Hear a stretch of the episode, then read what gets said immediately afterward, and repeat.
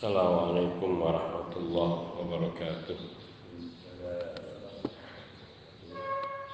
Alhamdulillah Alhamdulillahilladzi hadana lihada wa ma kunna linahtadiya laula an hadana Allah wa ashhadu an la ilaha illallah wahdahu la syarika lah wa ashhadu anna Muhammadan abduhu wa rasuluh صلى الله عليه وعلى آله وصحبه وسلم تسليما كثيرا أما بعد إخواني في الدين أعزني الله وإياكم جميعا ورحمني ورحمكم setelah kita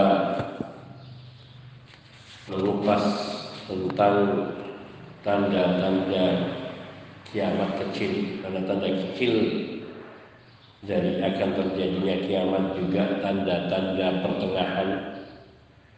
Maka insya Allah kita pagi hari ini akan menyebutkan beberapa di antara tanda-tanda kiamat besar.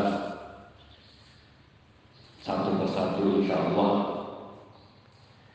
dan di antara tanda-tanda kiamat yakni tanda-tanda besar yang akan terjadi yang kemudian diikuti dengan terjadinya kiamat. Secara global sebelum nanti kita rinci yaitu pertama khuruju al-mahdi. Nanti keluarnya Imam al-Mahdi yang nanti akan dibaiat oleh para ulama ahlu sunnah wal jamaah. Nanti kita akan terangkan insya Allah dan yang kedua munculnya keluarnya Dajjal Al-Masih Dajjal. Al-Masih Dajjal itu akan muncul dari satu dari Khurasan. Khurasan itu daerah dekat Persia Iran. Di daerah wilayah masih wilayah Iran. Dan nanti akan kita bahas secara rinci insya Allah kemudian turunnya Nabi Isa Ibnu Maryam alaihi salatu wassalam. Ini juga turun di daerah Damaskus yang nanti dikawal oleh dua malaikat Jibril dan Mikael kalau tidak salah. Yang nanti turun di sebuah menara putih yang disambut oleh Imam Mahdi dan nanti insya Allah rinciannya akan kita baca binillah ta'ala mungkin tidak hari ini. Setelah itu nanti akan disusul dengan munculnya keluarnya lepasnya Ya'jud dan Ma'jud dari benteng yang selama ini menghadang yang dibuat oleh Nabi Zulkarnain pada masa beliau hidup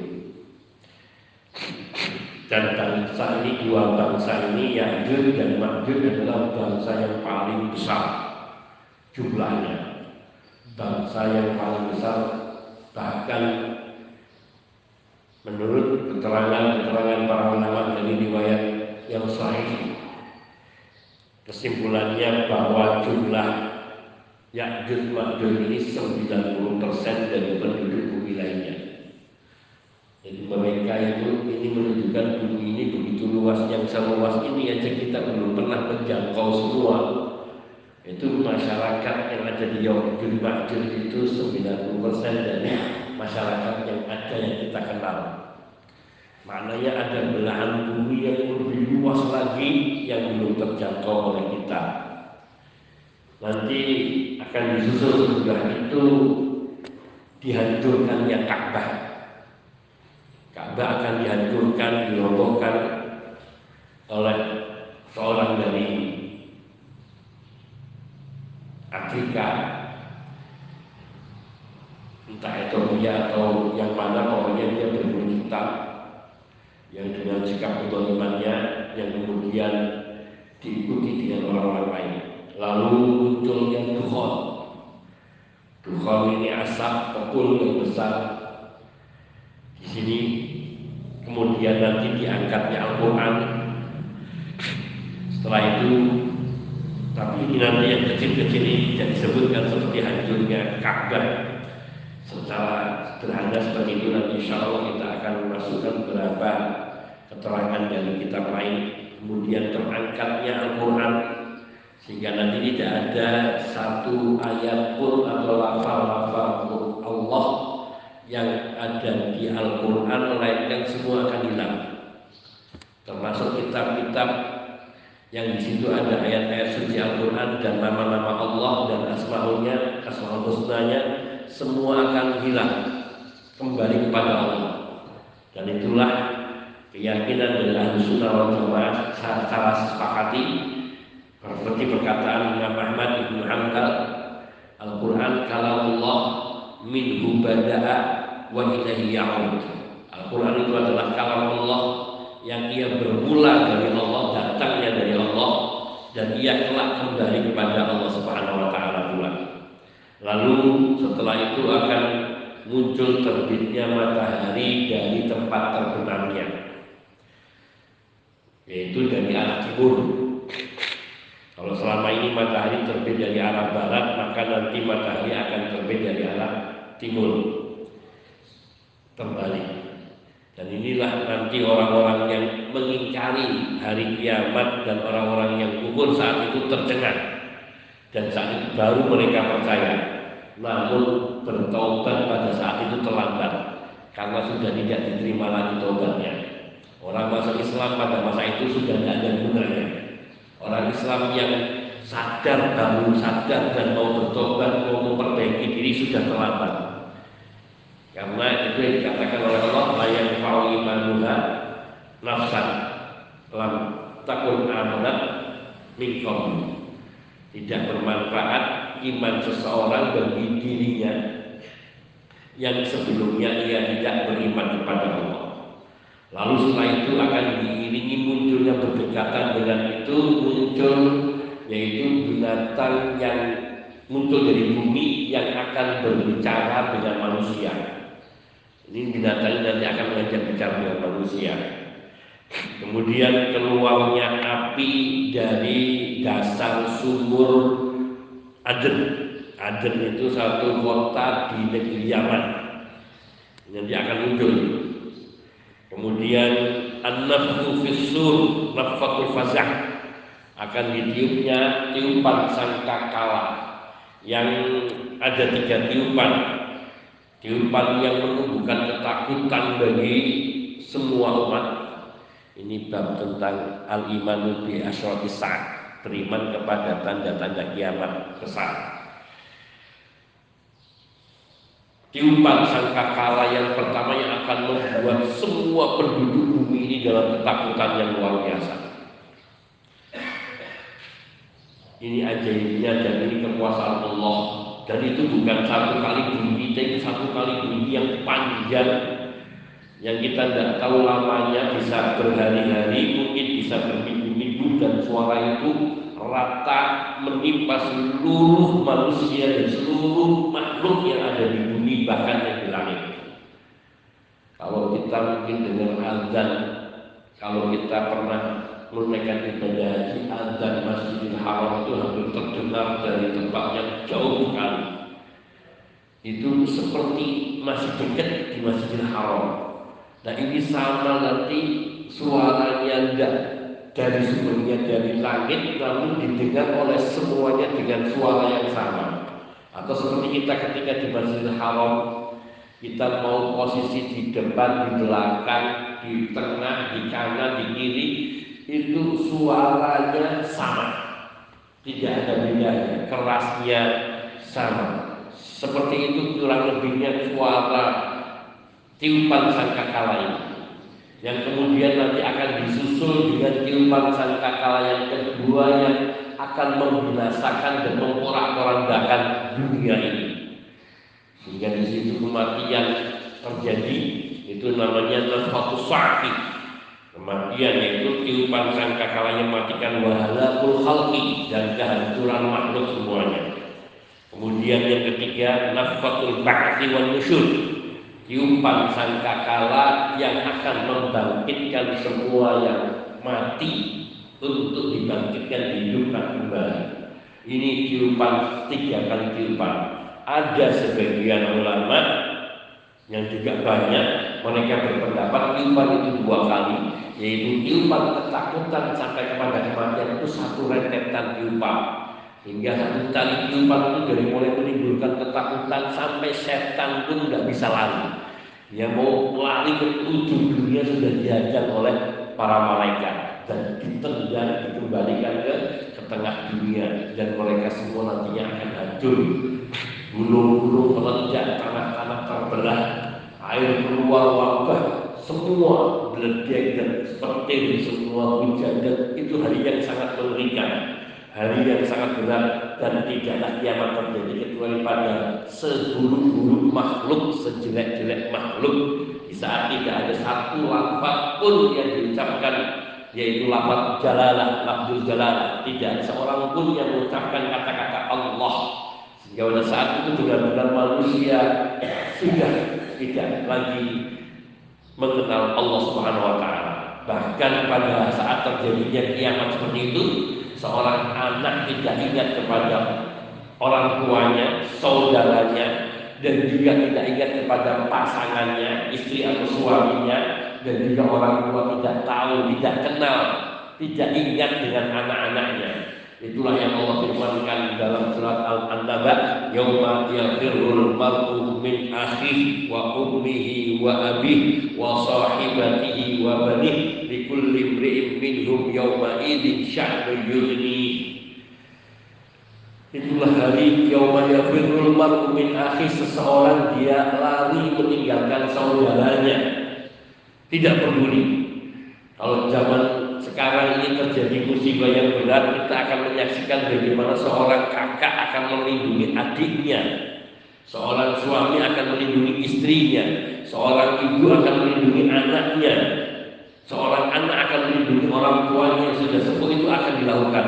Tapi pada hari kiamat mereka tidak lagi peduli dengan semua kerabat yang terdekat apalagi yang jauh. Yaumanya mar'u min seseorang ia lari menghindar tidak peduli dari saudaranya. Melihat saudaranya yang binasa dia biarkan. Wa ummihi wa abi bahkan ibu dan bapaknya pun dia tinggalkan. Wa wa wa abi dan bahkan istri dan anak-anaknya pun dia tinggalkan. Pada hari itu masing-masing orang sibuk dan ingin menyelamatkan dirinya karena dahsyatnya. Sekarang sedang dahsyat-dahsyatnya sekarang ketika terjadi gempa masih seseorang berpikir untuk menyelamatkan anaknya meskipun barangkali ada yang terlewatkan. Bahkan mungkin sekarang masih mau menyelamatkan hartanya.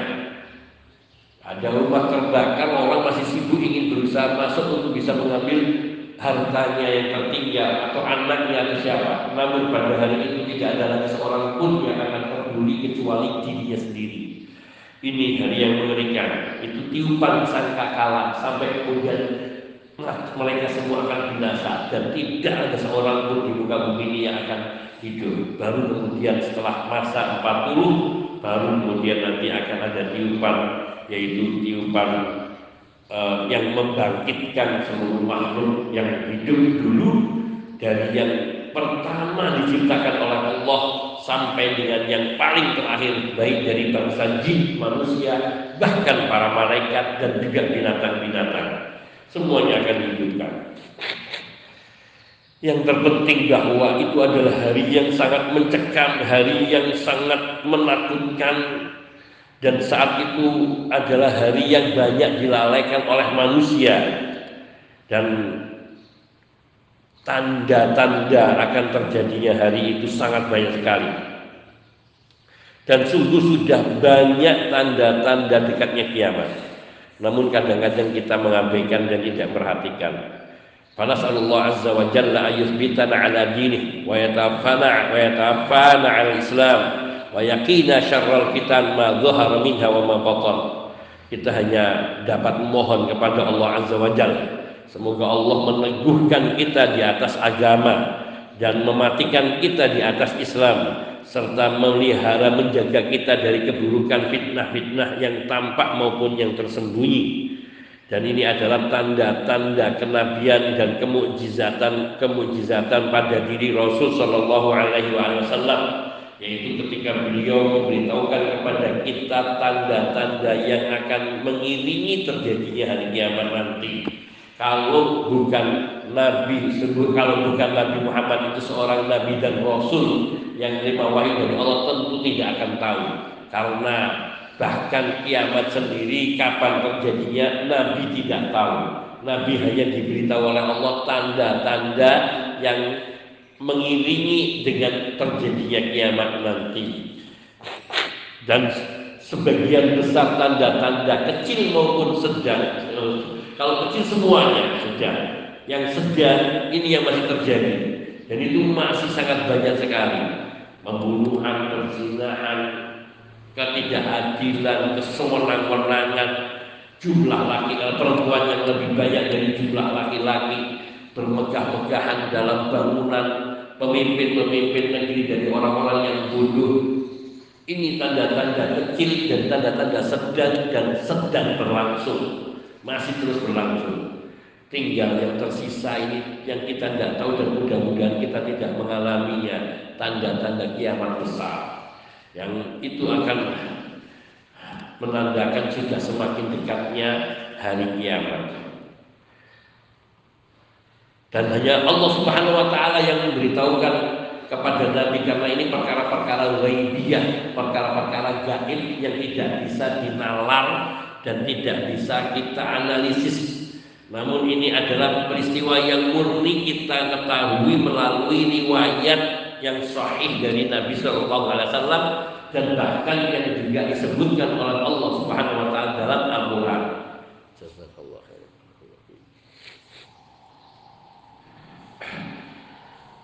Dan inilah yang seseorang yang mengetahui yang mengetahui dan meyakini apa yang Allah beritakan melalui Nabi Shallallahu Alaihi Wasallam akan semakin kuat imannya. Dan Nabi Shallallahu Alaihi Wasallam beliau memberitakan tanda-tanda kiamat ini sebagai wujud kasih sayang beliau kepada umatnya agar mereka bersikap hati-hati, waspada dan mempersiapkan diri untuk berjumpa dengan hari akhir tadi dan tidak lengah serta selalu waspada terhadap apa yang bakal menimpa diri mereka di yaumul akhir nanti yaitu ketika kita melihat Allah tabaraka wa taala. Wassalawatullah wassalamu ala hadan nabiyil karim. Semoga salawat dan salam senantiasa Allah curahkan atas diri Nabi yang mulia alladzi ballaghal balaghal mubin yang telah menyampaikan keterangan yang sangat jelas dari wahyu-wahyu Allah Subhanahu wa taala. Wa bayyana ghayatat tabyin dan menerangkan sampai pada puncak penerangan yang tidak lagi ada kesamaran. Wa nahnu ala dzalika minasyahidin kita semua bersaksi bahwa nabi telah menunaikan kewajiban beliau sebagai nabi dan rasul yaitu menyampaikan wahyu Allah kepada kita semuanya Wa awwalu hadhil alamat dan yang paling pertama dari tanda-tanda kiamat besar yaitu zuhurul mahdi. Ini yang akan diceritakan di sini hanya sekitar ini. Munculnya Imam Mahdi. Ini nanti kemudian disusul munculnya Dajjal. Kemudian yang ketiga turunnya Nabi Isa alaihissalam yang setelah itu kemudian berurutan datang tanda-tanda kiamat yang lainnya. Ya, insya Allah yang yang perkara yang besar yang akan kita sebutkan di sini munculnya Mahdi, munculnya Dajjal, turunnya Nabi Isa, keluarnya Ya'juj Ma'juj, kemudian eh, terbitnya matahari dari arah timur, kemudian eh, dari arah barat, kemudian apa namanya binatang yang akan berbicara kepada manusia, kemudian kehancuran demi kehancuran sampai yaitu munculnya api dari dari dasar sumur yang ada di Yaman di sebuah kota namanya Aden. Dan manusia akan digiring ke Syam semuanya. Di seluruh dunia ini akan digiring ke Syam. Dan pada saat di situlah manusia akan mengalami terjadinya kiamat yang mengerikan itu. Sekarang yang pertama insya Allah yang akan kita bahas pagi hari ini adalah Zuhurul Mahdi munculnya Imam Mahdi. Sebagaimana yang telah kita sebutkan tentang tanda-tanda tanda-tanda besar yang mengiringi terjadinya kiamat secara global. Sekarang kita akan sebutkan secara rinci, dijelaskan secara terperinci yaitu munculnya Imam Mahdi. Diriwayatkan dari Abdullah bin Mas'ud radhiyallahu taala beliau berkata Rasulullah sallallahu alaihi wasallam beliau bersabda la tanqadil ayyamu wa la yadhhabud dahru hatta yamlikal araba rajulun min ahli baiti yuwati'u ismuhu ismi. Rawahul imam Ahmad wa Abu Dawud wa Tirmidzi bi asanida sahihatin wa qala at-Tirmidzi hadza haditsun hasanun sahih.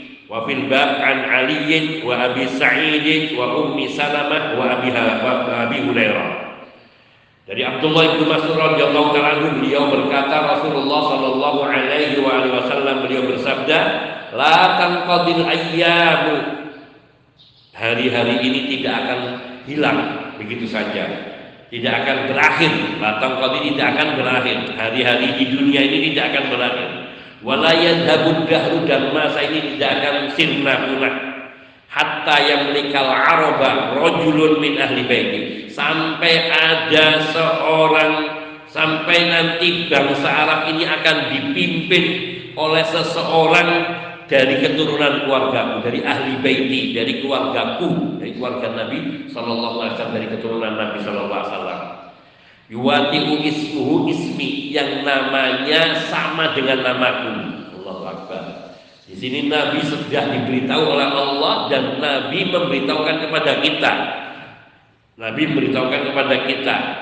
Dan itu sebagai sebuah keakidah keyakinan dari ahlu sunnah wal jamaah wajibnya kita mengimani akan datangnya akan munculnya Imam Mahdi. Namanya Muhammad atau Ahmad.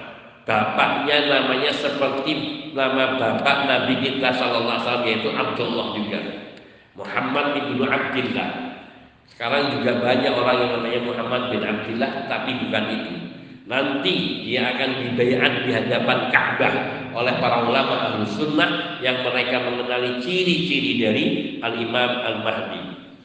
Imam ini hadis riwayat oleh Imam Ahmad Abu Dawud At-Tirmidzi dengan sanad yang semuanya sahih. Dengan sanad yang semuanya sahih. Dan berkata Imam At-Tirmidzi hadis ini adalah hadis hasan sahih. Dan hadis ini juga banyak hadis-hadis yang lain yang meriwayatkan tentang munculnya Imam Mahdi atau dibayatnya Imam Mahdi yaitu yang diriwayatkan dari Ali bin Abi Thalib, Abu Sa'id Al-Khudri, dari Ummu Salamah, dari Abu Hurairah dan banyak lagi sampai dikatakan oleh para ulama hadis yang berbicara tentang akan datangnya Imam Mahdi, munculnya Imam Mahdi di itu hadisnya mutawatir jadi hadisnya sangat kuat dan derajatnya sudah menyamai dengan Al-Quran. Cuman bahasanya adalah bahasa hadis. Imam Al-Allamah As-Safari ini rahimahullah taala beliau berkata, "Wa qad takatsaratir riwayat wal athar bi amril mahdi." Riwayat-riwayat dan pemberitaan-pemberitaan asar tentang akan munculnya Imam Mahdi ini sangat banyak sekali. Berkata Syekhul Islam Ibnu Taimiyah rahimahullah, hadis-hadis allati yahtaju biha ala urujil mahdi ahadis sahihah. Hadis-hadis yang dijadikan sebagai dalil, sebagai hujjah akan munculnya Imam Mahdi adalah hadis-hadis yang sahih yang diriwayatkan oleh Abu Dawud, At-Tirmidzi, Ahmad dan selain mereka. Ini perkataan Imam Ibnu Taimiyah rahimahullah taala. Di sini sebutkan namanya adalah Al-Mahdi bin Muhammad bin Al-Mahdi Muhammad bin Abdullah. Al-Mahdi itu istilahnya gelarnya.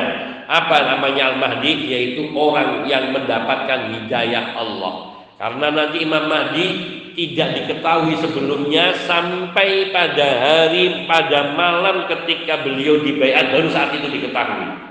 Dan begitu diketahui oleh para ulama, para ulama berkumpul saat itu dan langsung membaiatnya. Sehingga di situ ada perkataan dari Nabi dan Allah akan memperbaiki keadaan Imam Mahdi dalam semalam itu.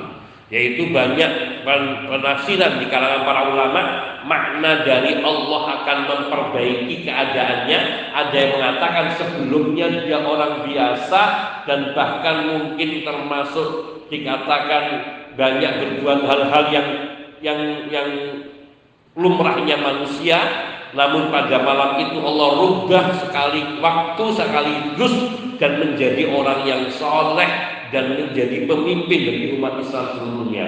Ada yang mengatakan seperti itu.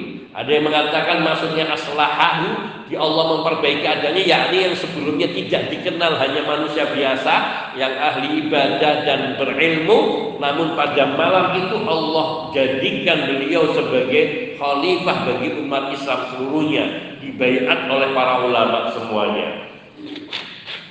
Dan ini banyak spekulasi yang pernah muncul dari orang-orang yang tidak bertanggung jawab yang mereka menyebutkan bahwa Imam Mahdi telah lahir. Imam Mahdi telah lahir.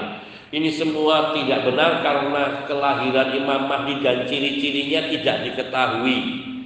Diketahuinya ciri-ciri Imam Mahdi pada hari di mana beliau akan dibaiat. Jadi tidak ada yang tahu siapa dan bagaimana yang terpenting bahwa beliau namanya adalah Muhammad dan bapak beliau namanya Abdullah dan beliau dari suku Quraisy atau dari keturunan Rasulullah sallallahu alaihi wa alihi wasallam.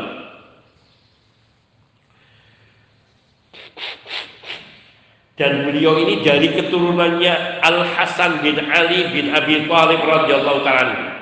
Jadi nasabnya Imam Mahdi ini nanti Muhammad bin Abdullah terus naiknya sampai kepada Al Hasan bukan Al Husain. Orang-orang Syiah berkeyakinan bahwa Imam Mahdi keturunan dari Al Husain.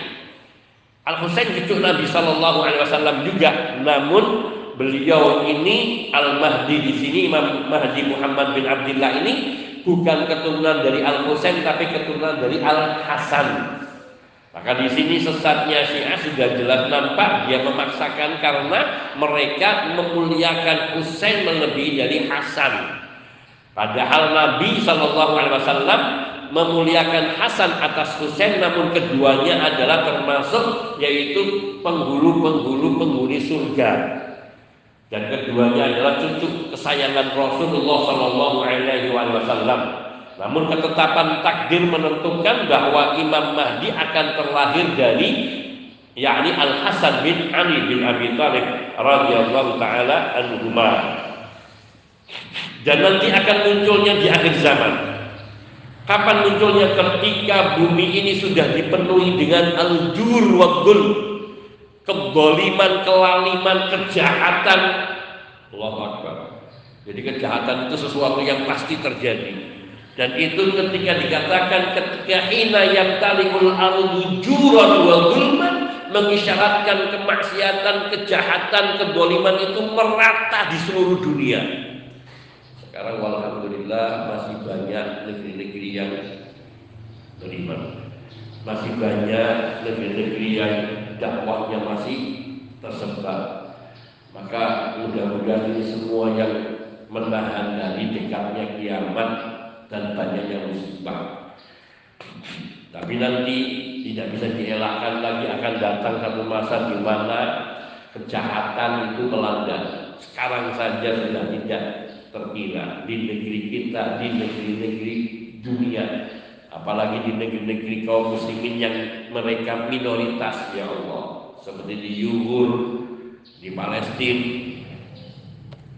di banyak negeri-negeri yang kaum musliminnya minoritas. Myanmar mereka sampai dibantai, disiksa. Itu karena mereka berada di posisi yang lemah dan ini bagian daripada telah dekatnya masa-masa kiamat atau munculnya tanda-tanda kiamat besar Semoga kita semua diselamatkan oleh Allah Subhanahu wa taala dari ancaman ini. Adlan wa. Maka ketika bumi ini dipenuhi dengan kejahatan, kegoliman, akan muncul Imam Mahdi di bayat kemudian akan memimpin dunia dari memimpin Arab. Sampai Nabi mengatakan nantinya apa? Hatta yamlikal araba rojulun min ahli baiti. Sehingga nanti yang akan berkuasa memimpin bangsa Arab dan bangsa Arab adalah pusat daripada dunia. Memimpin dunia semuanya. Itu yang memimpinnya adalah seseorang dari anak dari anak keturunan Nabi Shallallahu Alaihi Wasallam yang namanya Muhammad ibnu Abdullah. Dan ketika beliau memimpin, fayamlauha adlan wa qista.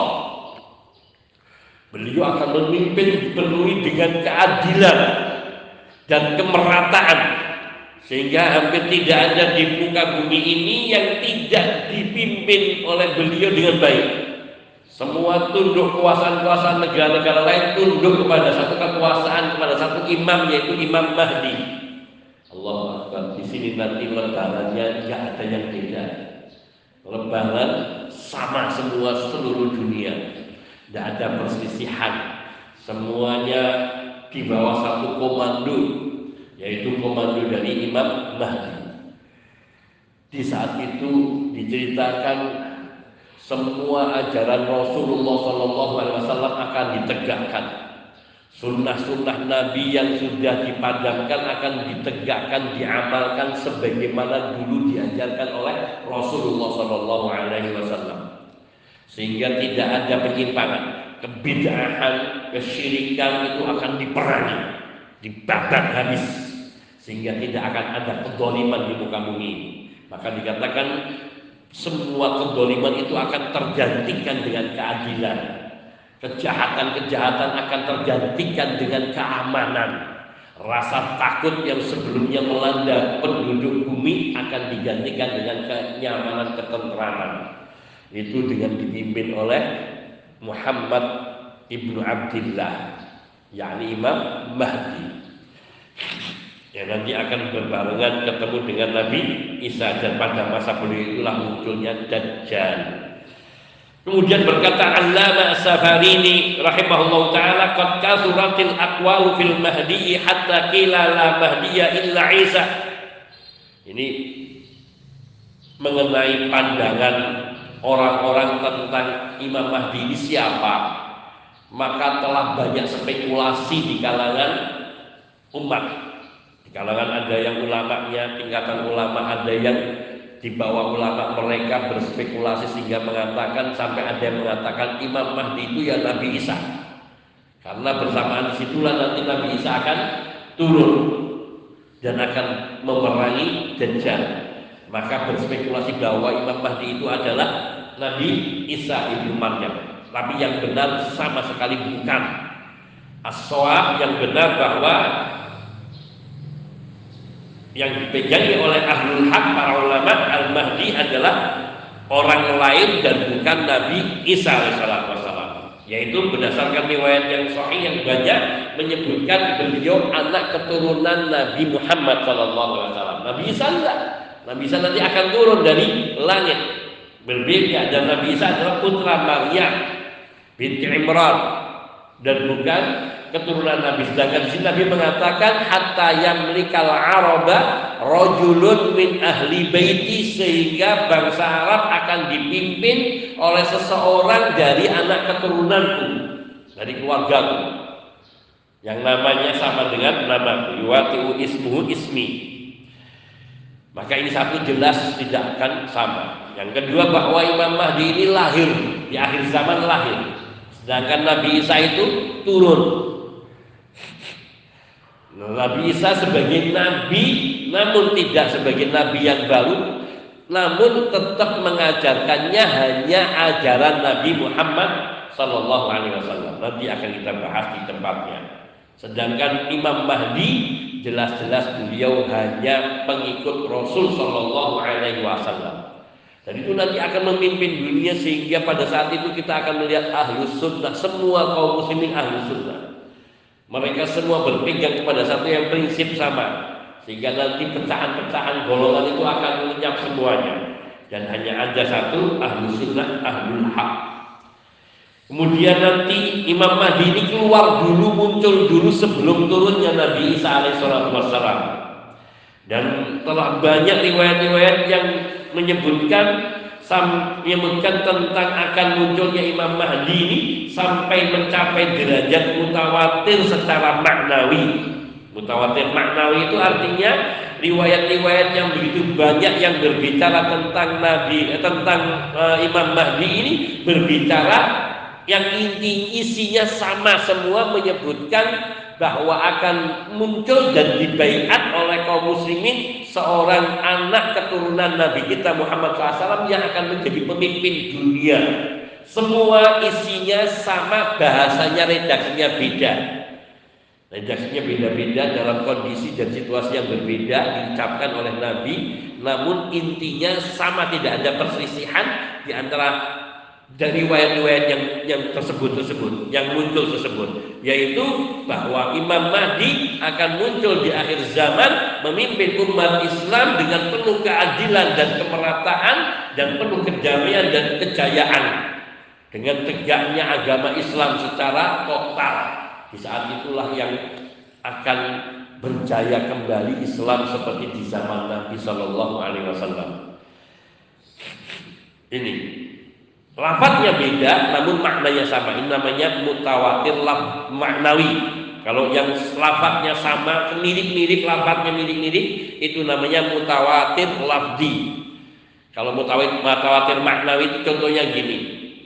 Tidak akan hilang dunia ini, tidak akan terjadi kiamat sampai bangsa Arab ini akan dipimpin seorang laki-laki dari anak keturunanku yang namanya seperti namaku satu riwayat. Riwayat lain menyebutkannya bahwa nanti di akhir zaman akan digantikan tadi apa ke kehancuran ketidakadilan kezaliman akan dipimpin oleh seorang yang yang soleh oleh seorang pemimpin dari anak keturunanku yaitu namanya Muhammad. Nah, ini beda kalimat beda konteks namun sama intinya. Dan banyaknya riwayat. Ini namanya mutawatir maknawi. Kalau lafaz-lafaznya mirip-mirip, hanya perbedaan sedikit, maka itu namanya mutawatir lafzi. Hadis mutawatir itu maknanya yaitu hadis yang diriwayatkan oleh banyak para sahabat sehingga tanpa ada satu keraguan pun akan kesohihan hadis tersebut sebab mustahil ada 100 atau 50 sahabat mereka meriwayatkan melalui jalur yang berbeda-beda namun isinya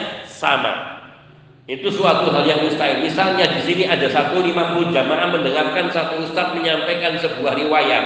Masing-masing jamaah mengajarkan kepada jamaahnya masing-masing. Mungkinkah mereka ini bersepakat untuk memasukkan hadis? Tidak mungkin. Bahkan untuk salah pengertian, salah penyampaian pun tidak mungkin. Akan ketahuan kalau ada yang salah menyampaikan karena akan menyelisihi yang lainnya yang banyak. Itu makna hadis mutawatir mutawatir. Sehingga tidak bisa ditolak. Kalau orang menolak hadis mutawatir sama halnya dia menolak Al-Quran. Karena Al-Quran juga diriwayatkan secara mutawatir yaitu Nabi mengajarkan kepada seluruh sahabat Nabi radhiyallahu taala anhum ajma'in dan mereka semua menghafalnya sebab se -se semampu yang mereka menghafal. Ada yang menghafal sampai 30 juz, yaitu sampai akhir hayat Nabi SAW mereka menghafal 30 juz dan itu banyak jumlahnya dan juga banyak yang hanya menghafal sebagian, sebagian, sebagian. Yang namun mereka tetap memegangi catatan riwayat dari Nabi mengenai ayat karena setiap ayat turun itu mereka banyak yang pandai menulis itu mencatatnya selain menghafalnya. Sehingga di zaman Abu Bakar, Umar, dan Utsman terjadi penulisan mushaf Al-Quran yaitu karena catatan dari para sahabat yang meriwayatkan dari Nabi. Mereka yang tahu kemampuan menghafalnya kurang, tapi namun namun me, me, me, pandai menulis, maka mereka akan mencatat. Begitu hafal langsung dihafal dicatat. Begitu menerima dari Nabi dihafal langsung dicatat. Sehingga ketika lupa mereka kembali kepada lembaran itu. Nah, pada saat penulisan Mushaf Al-Quran diminta semua lembaran-lembaran itu oleh Khalifah Abu Bakar untuk kemudian dijadikan dipindah kepada satu Mushaf Al-Quran. Yang kemudian pada zamannya Utsman ibn Affan dirapihkan dan disamakan sehingga seluruh negeri muslimin semua memiliki bentuk tulisan dan bacaan Quran yang sama dan tidak berbeda-beda. Karena di zamannya Utsman bin Affan Islam menyebar begitu luas sampai-sampai yakni negeri-negeri Cina dan sebagiannya sudah masuk Islam ke dalam. Maka bahasa mereka ini kadang mempengaruhi pengucapan ayat-ayat suci Al-Qur'an. Yang itu sangat tidak kita eh, yang sangat kita maklumi tidak bisa kita ingkari Bagaimana orang-orang Jawa saja misalnya mengucapkan huruf H saja ada yang mengurapkannya K. Sehingga alhamdulillah dibacanya alkamdu. Ain dibacanya ain. Sehingga kalau baca nasta'in bacanya nastangin dan ini terjadi. Apalagi di negeri lain seperti Cina. Wah nggak bisa kita bayangkan orang yang sudah sudah apa namanya sudah idahnya sudah bentuknya sudah kayak itu bahasanya yang susah kemudian harus mengucapkan Eh, lapat-lapat Arab yang kadang-kadang lapat-lapat itu tidak ada hurufnya di kalangan mereka atau tidak ada pengucapannya di bahasa mereka. Maka mengalami kesulitan. Nah Al-Quran yang dapat itu diriwayatkan diriwayatkan kepada banyak orang sehingga kadang sebagian mereka mengucapkan hanya semampunya yang itu mempengaruhi arti dan juga pengucapan sehingga banyak perbedaan maka ketika disatukan zamannya Utsman bin Affan, akhirnya yang ada Quran di semua negeri disuruh ngirim dan disuruh membakarnya dan yang dikirimkan adalah dari Utsman bin Affan yang ada pada kita sekarang yaitu yang dikenal dengan Quran Ar-Rasmul Utsmani yaitu Rasmul Utsmani penulisan yang ditulis di zamannya Utsman yang dilakukan oleh para sahabat di bawah pengawasan Utsman ibnu Affan radhiyallahu taala sebagai Amirul Mukminin. Kita kembali kepada ini cerita tentang makna riwayat mutawatir Ya Al-Quran itu ditulis atau diriwayatkan secara mutawatir tidak mungkin terjadi kesalahan. Maka dusta besar orang-orang Syiah yang mengatakan Al-Quran kita ini sudah banyak dipolitisir atau sudah banyak di disunat, dihilangkan, diganti. Ini kedustaan besar. Itu adalah perbuatan jajal dari kalangan mereka. Mereka mengatakan Quran kita ini Qurannya sudah tidak asli, sudah palsu.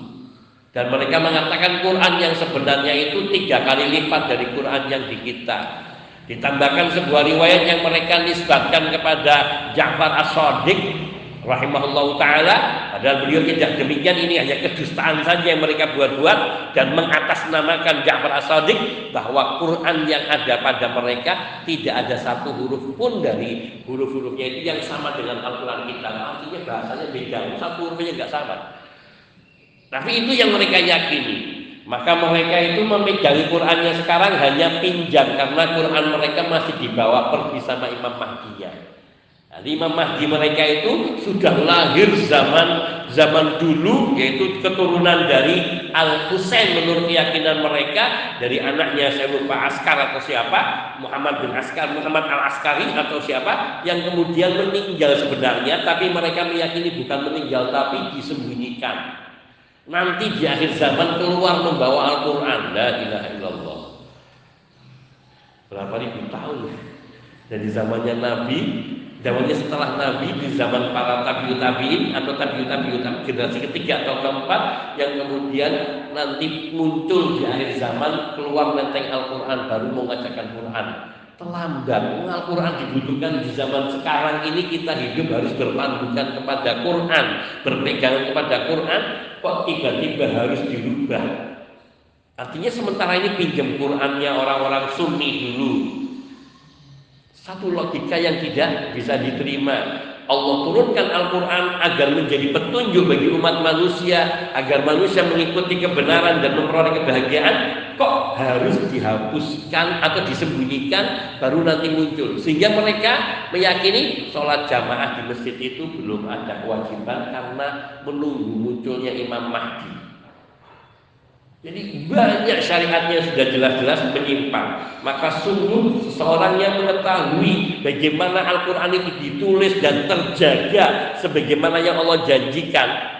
Inna nahnu nazzalna dzikra wa inna lahu lahafidun. Sungguhnya kami yang menurunkan al-dzikr yaitu Al-Quran ini dan sungguhnya kami sendiri yang akan menjaganya. Ini janji Allah Azza wa Jal yang tidak mungkin lepas. Dan salah satu bukti bahwa Al-Quran kita itu adalah Quran asli, yaitu tantangan Allah yang sampai sekarang tidak ada seorang pun yang mampu menandingi tantangan itu atau menyambut tantangan itu. Apa itu?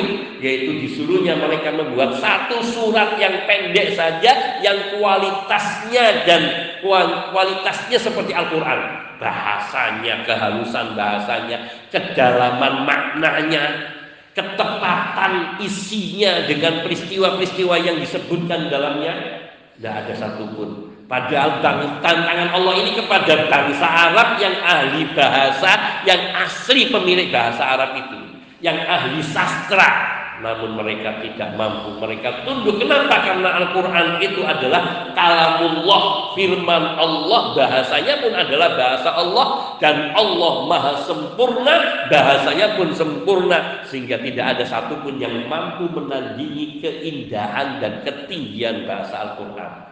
Maka kalau mereka bisa merubah membuat satu ayat yang semisal dengan satu surat yang semisal dengan Al-Quran, boleh mereka mengatakan Al-Quran kita ini palsu.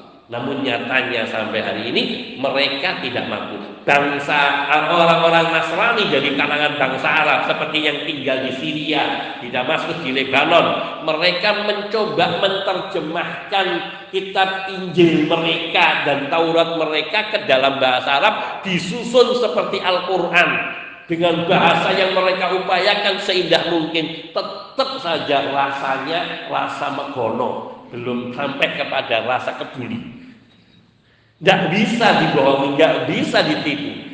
Sehingga ke orang yang sudah mengenal Al-Quran dan mengenal bahasa Al-Quran, ketika mereka membacakan bahasa Injil dalam Al-Quran dalam bentuk bahasa Arab, ketawa, ketahuan, bahkan mirip dengan bahasa hadis pun tidak.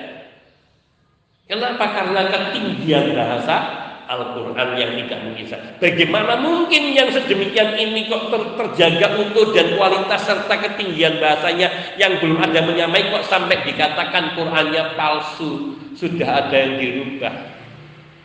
Ini satu hal yang mustahil dan Allah menjaganya. Ini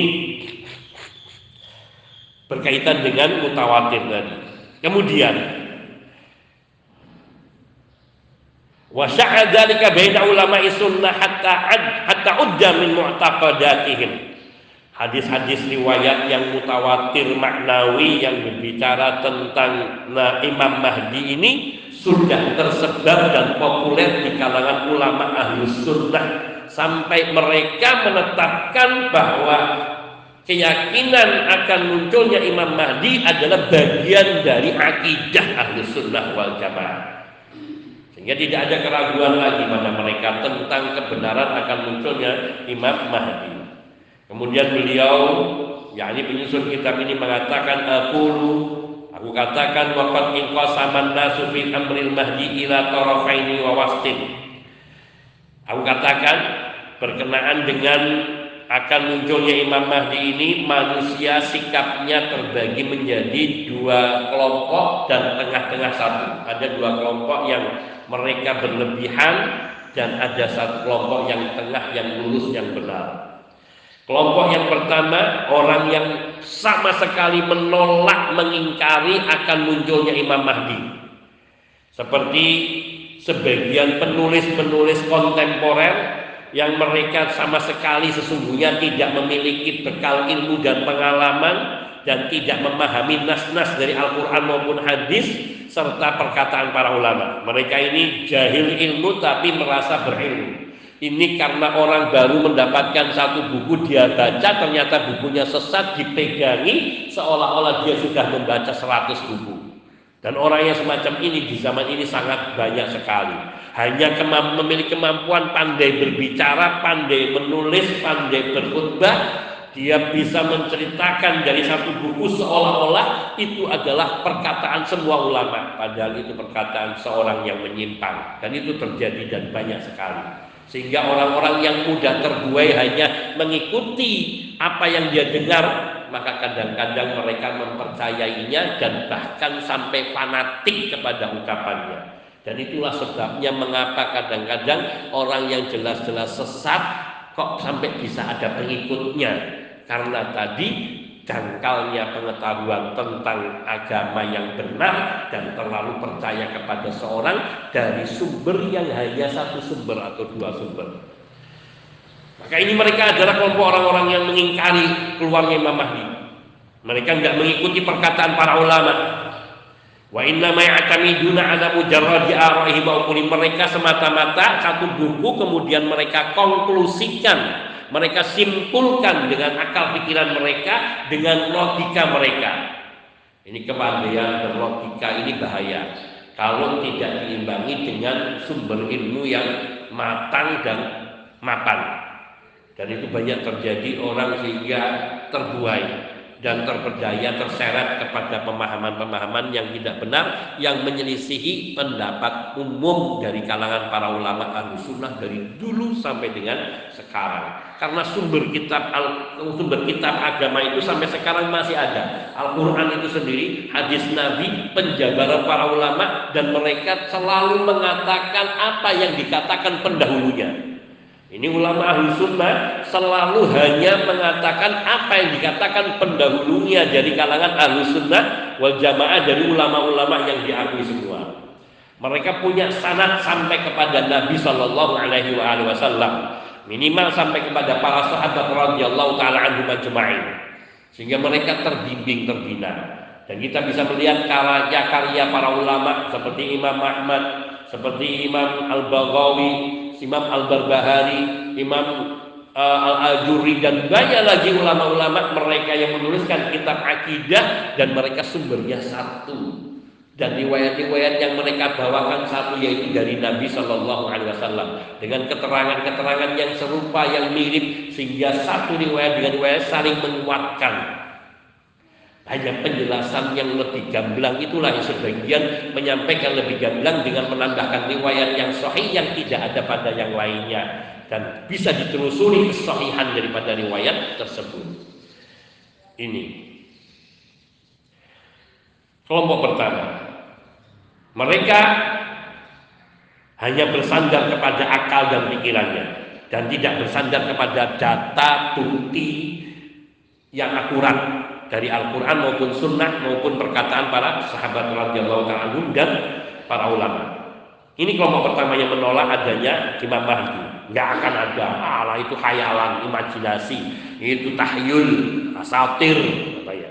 Yang kedua adalah golongan kedua manyughali fi amril mahdi minat tawaif yaitu sebaliknya orang-orang yang bersikap ekstrim terlalu berlebih-lebihan di dalam mengimani akan munculnya Imam Mahdi sehingga mereka mensifati dengan sifat-sifat yang tidak ada dasar dalilnya dari sunnah Nabi Wasallam apalagi dari Quran. Mereka adalah kelompok-kelompok yang sesat sehingga Masing-masing kelompok yang seperti ini menganggap bahwa pemimpin mereka itu adalah pemimpin mereka itu adalah Imam Mahdi itu sendiri. Sampai mereka mengatakan, wah Imam Mahdi ini muncul dari zaman dahulu sudah ada banyak orang yang mengaku Imam Mahdi. Namun semua terbantahkan ketahuan karena sampai mati nggak bisa mimpin dunia. Hanya mimpin kelompoknya yang kecil itu pun semrawut artinya banyak kekacauan dan kerusakan dan bahkan saling bunuh membunuh sendiri di antara mereka. Ini karena memang tidak benar.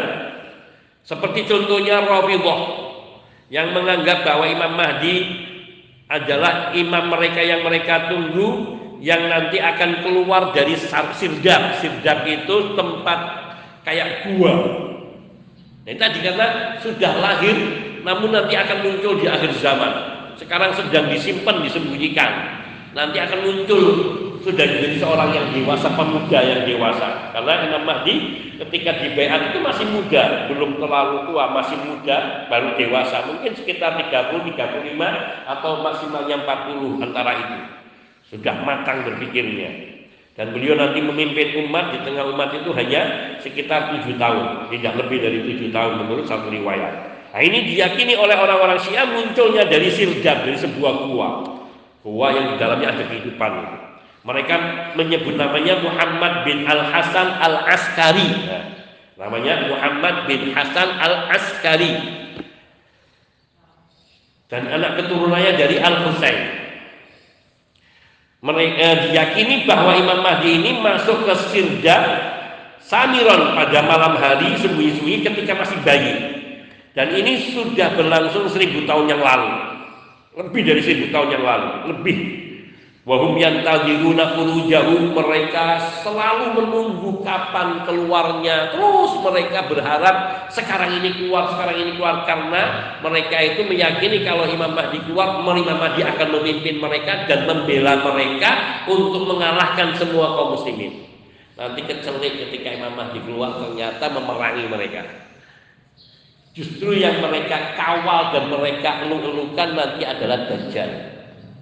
Dikatakan Dajjal itu munculnya di daerah Khurasan, Khurasan itu daerah Persia, Persia itu daerah Iran yang beragama Syiah.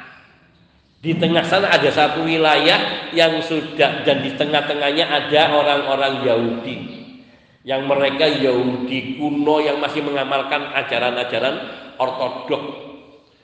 Dan nanti ketika Dajjal muncul itu akan dikawal oleh 70 ribu orang Yahudi memakai pakaian kebesaran Yahudi dan diikuti pula nanti orang-orang Persia ini yang sudah menjadi keturunan Yahudi. Jadi Yahudi itu nanti berbaur, nah anak keturunan itu mereka akui sebagai Yahudi. Mereka tidak menyebarkan agama dengan cara mengajarkan agama kepada orang asing, enggak. Orang Yahudi itu hanya akan mengajarkan agamanya kepada anak keturunannya. Mereka menikahi kepada orang yang bukan Yahudi, nanti diajarinya anaknya dan anaknya menjadi Yahudi. Terus begitu. Jadi nanti mereka kecelik. Nah itu mereka juga gitu nunggu. Dari kecil sejak, sejak seribu tahun yang lalu menunggu kapan keluarnya Imam Mahdi. Termasuk juga Al-Fatimiyah. Mereka meyakini bahwa pemimpin mereka Al-Fatimiyah, Al-Fatimiyah kelompok Fatimiyah ini juga Syiah juga menganggap pemimpinnya adalah Al-Mahdi, Imam Mahdi itu sendiri. Dan seterusnya Kullu man arada tasallut takallum ala nas. Semua orang yang ingin berkuasa, ingin menipu umat, maka dia mengaku dirinya Imam Mahdi. Dia mengaku dirinya yang ditunggu-tunggu selama ini. Al-Muntadhar. Al-Muntadhar itu yang dinanti-nanti. Sebagaimana orang yang ingin melakukan kedustaan penipuan dari kalangan orang-orang sufi, ia menganggap bahwa dia termasuk ahlul bait, bahwa dia adalah sayyid, namun sesungguhnya sebenarnya bukan. Ini pernyataan dari penulis yang memiliki sandaran bukti yang banyak kuat. Ini yang wa amal wasfu fi amril mahdi ini tadi yang kelompok pertama yang mengingkari secara total mutlak. Kelompok kedua yang meyakini berlebih-lebihan sehingga semua orang dianggap Imam Mahdi. Artinya hampir setiap yang dia yakin sebagai pemimpin dia Imam Mahdi dan seterusnya. Yang pertengahan inilah dari kalangan ahlu sunnah wal jamaah yaitu mereka yang menetapkan akan keluarnya Imam Mahdi sesuai dengan yang diberitakan oleh nas-nas Al-Quran dan juga nas-nas hadis yang nas-nas hadis bukan Al-Quran. Nas-nas hadis yang sahih yang di situ menyebutkan nama beliau dan nama ayahnya serta nasab dan sifat-sifatnya. Semua disebutkan. Ketika nanti keluar Imam Mahdi yaitu akan diketahui dia namanya Muhammad ibnu Abdullah nasabnya dari nasab Al Hasan bin Ali radhiyallahu taala dan nanti keluar di saat dunia ini sudah mulai kacau balau kekufuran kegoliman kejahatan merabah nanti ketika beliau memimpin dalam waktu yang singkat akan merubah dunia ini menjadi aman sentosa ini. Dan kasurat bihuruji riwayat riwayat bihuruji riwayat dan telah banyak riwayat-riwayat yang menceritakan nanti akan munculnya Imam Mahdi ini sudah disebutkan. Sampai kepada perkataan Asapan ini dan telah diriwayatkan pula tentang para sahabat yang mereka menyebutkan dan bukan hanya satu radhiyallahu taala anhum menyebutkan berbagai riwayat yang macam-macam sampai kepada tabi dan sudahnya yang seluruh, secara keseluruhan riwayat-riwayat ini memberikan faedah bahwa keluarnya Imam Mahdi adalah sesuatu yang pasti tanpa ada keraguan sedikit pun Maka beriman terhadap keluarnya Imam Mahdi adalah wajib sebagaimana itu menjadi ketetapan ahlu sunnah dan para ulama dan telah termaktub termaktub tertera di buku-buku akidah ahlu sunnah wal jamaah. Kalau kita membaca buku akidah ahlu sunnah yang komplit itu selalu ada bab tentang tanda-tanda kiamat besar yaitu munculnya Imam Mahdi dan itu akan dibeberkan diceritakan tentang Imam Mahdi ini.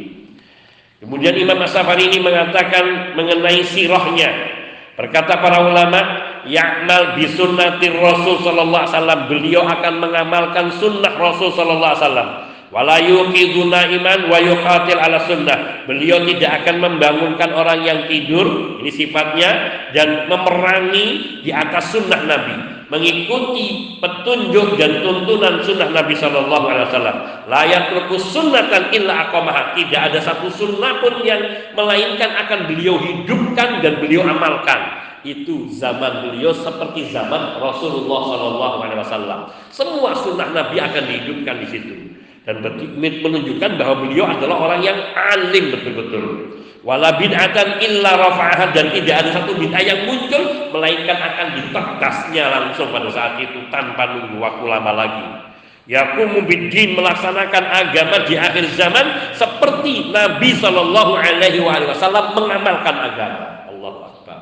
Ini keistimewaan dan sifat beliau.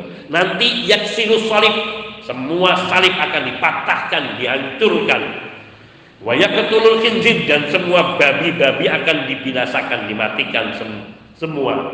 Wayaruddu ila wayaruddu ilal muslimina wayaruddu ilal muslimina ufatahu wa ni'matahu. Akan menyatukan kaum muslimin semua sehingga kejayaan Islam itu akan kembali di masanya Imam Mahdi Muhammad ibnu Abdullah al Mahdi. Beliau akan mengisi bumi ini dengan keadilan dan kemerataan sebagai ganti yaitu kegoliman dan kejahatan yang merata sebelum beliau dibaiat sebagai imam.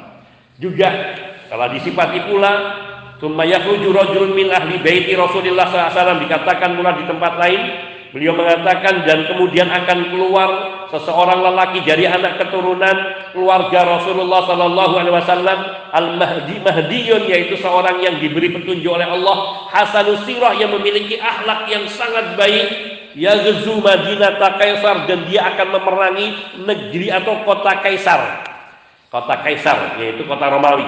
Bahwa akhiru amirin min ummati Muhammad. Beliau adalah pemimpin terakhir dari umatnya Nabi Muhammad Sallallahu Alaihi Wasallam. Dan bahkan disebutkan riwayat bahwa sebelum nanti Imam Mahdi keluar ini ada dari suku Quraisy yang akan menjadi imam di kalangan kaum muslimin yang jumlahnya 12 baru nanti muncul entah yang ke-12-nya atau yang ke-13-nya muncullah Imam Mahdi dan diyakini yang empat sudah Al-Khulafa Ar-Rasyidin ini semuanya dari Quraisy. Abu Bakar, Umar, Utsman, Ali. Kemudian Umar bin Abdul Aziz yang kelima Kemudian di sana ada lagi yang mengatakan bahwa Imam Syafi'i termasuk salah satu imam meskipun bukan khalifah, namun beliau adalah imam di dalam agama yang dari keturunan Quraisy juga. Yang keenam, seterusnya, seterusnya sampai nanti ke-12. Nah, yang ke-12-nya atau yang ke-13-nya adalah Imam Mahdi Al-Muntawar, Imam Mahdi yang dinanti-nanti tadi. Yakhruju fi zamani ad-dajjal di masa hidupnya Imam Mahdi inilah nanti keluar dajjal. Wa yanzilu Isa bin Maryam dan akan turun Nabi Isa alaihi salatu wassalam. Kemudian Al-Allama Syekh Mar'i telah menukilkan di dalam kitabnya Fawaidul Fikri yang meriwayatkannya atau yang menukil dari Abdul Hasan Muhammad bin Al-Husain Annahu qala bahwasanya beliau mengatakan qad tawataratil ahadits wastafadat bi kasrati ruwatiha anil Mustafa sallallahu alaihi wasallam bi maji'il mahdiyyi wa annahu min ahli baiti sallallahu alaihi wasallam. Disebutkan di sini riwayat-riwayat hadis yang sampai mencapai derajat mutawatir dan sangat berlimpah yang bersumber dari Al Mustafa yakni Nabi Shallallahu Alaihi Wasallam tentang yang menyebutkan tentang akan datangnya Imam Al Mahdi dan bahwasanya beliau adalah salah satu dari keturunan keluarga Nabi Shallallahu Alaihi Wasallam bahwa beliau yamliku sab'a sinin beliau akan memimpin menguasai dunia selama tujuh tahun. Ketika diangkat menjadi khalifah Amirul Muminin beliau berkuasa sab'a sinin selama tujuh tahun. Dan beliau akan memenuhi bumi, bumi ini dengan keadilan. Dan sungguhnya dia beliau akan keluar bersamaan dengan Nabi Isa yaitu di masa beliau itu Nabi Isa akan turun Fayusaidu ala qatli dajjal bi Babilud di ardi Palestina yang nanti Imam Mahdi ini akan membantu Nabi Isa alaihissalam di dalam membunuh Dajjal di pintu gerbang kota Lut yang ada di Palestina. Kota Lut yang ada di Palestina. Wa annahu ya ummu hadhihi ummah wa Isa yusalli khalfahu ya'ni salatan wahidatan wa hiyal fajr dan beliau nanti akan menjadi imam bagi kaum muslimin termasuk sampai menjadi imamnya Nabi Isa.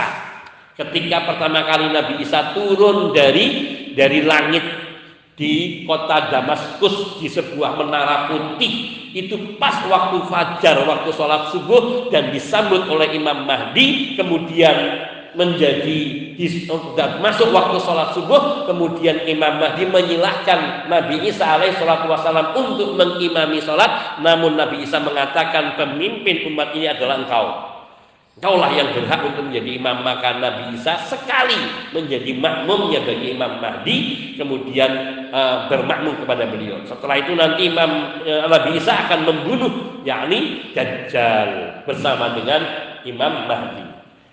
Itu sekali-kalinya beliau sholat bersama dengan Imam Mahdi dan menjadi imamnya bagi imam yang bagi Nabi Isa. Ini luar biasa kedudukannya sampai mengimami sholatnya Nabi Isa. Isyaratnya apa Nabi Isa nggak mau jadi imam? Karena beliau turun bukan sebagai Nabi yang membawa ajaran baru, tapi beliau turun untuk menerapkan pengamalan agama Rasulullah SAW secara sempurna. Jadi bukan mengajarkan agama Kristen. Dan di saat itulah semua orang Kristen nanti kita akan bicara di tempatnya, semua orang Kristen akan beriman kepada Nabi Isa. Yang tersisa musuhnya adalah orang Yahudi sehingga mereka semua akan dibantai habis. Zalika dzalikum huwal mahdi alladhi akhbara anhu Rasulullah SAW. Dialah Imam Mahdi yang disebutkan di atas itulah sifat-sifat yang disebutkan di atas itulah yakni yang diberitakan oleh Rasulullah Sallallahu Alaihi Wasallam yang telah diterangkan sifat-sifatnya yang sangat menonjol dan berbeda dari yang lainnya yaitu ketika muncul pada hari pada hari beliau akan dibayar juga diterangkan bagaimana akhlaknya dan perilakunya. Waqad idja'al mahdiyah jama'atun minad dhalal fi waqtin mubakir an waktihi. Dan sungguh telah akan banyak muncul orang kelompok-kelompok yang mengaku dirinya Mahdi, kelompok-kelompok sesat yaitu di waktu-waktu nanti muncul dekatnya Nabi eh, munculnya dekatnya eh, dekat dekat waktunya munculnya Imam Mahdi. Nanti akan ada. Namun sifat-sifat mereka sangat jauh tidak sama sekali dengan yang disebutkan riwayat-riwayat yang sahih tentang sifat dari Imam Mahdi. Mereka melakukan itu untuk menipu. Namun penipuan itu selalu kurang karena yang akan dikeluarkan oleh Allah itu manusia yang paling baik di zamannya. Sedangkan orang yang dijadikan sebagai Imam Mahdi gadungan adalah orang terjelek di masanya. Maka akan ketahuan sifat-sifat guru itu sehingga tidak bisa mengelabui umat itu nanti. Namun akan ada muncul orang-orang yang mengaku dirinya Imam Mahdi. Dulu pernah di Mekah itu mengaku diri Al Juhani namanya. Kelompok Al Juhani, Juhaiman, Juhaiman.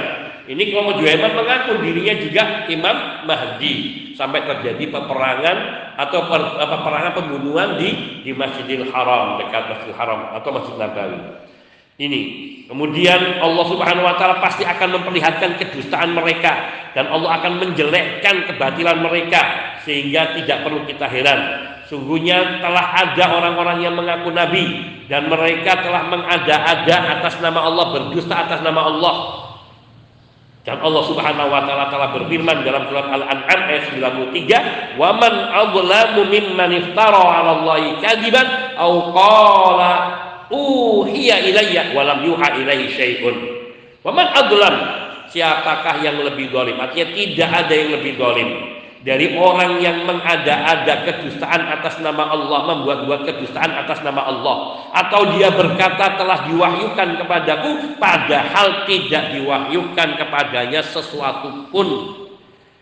Nah, itu aja yang mengaku Nabi, apalagi mengaku Imam Mahdi, maka sangat mudah bagi mereka orang-orang yang jahil dan sesat ini. Kita semua hanya memohon kepada Allah. Semoga Allah menunjukkan al-haq itu kepada kita sebagai sesuatu yang hak dan memberikan kepada kita kekuatan untuk bisa mengikuti al-haq.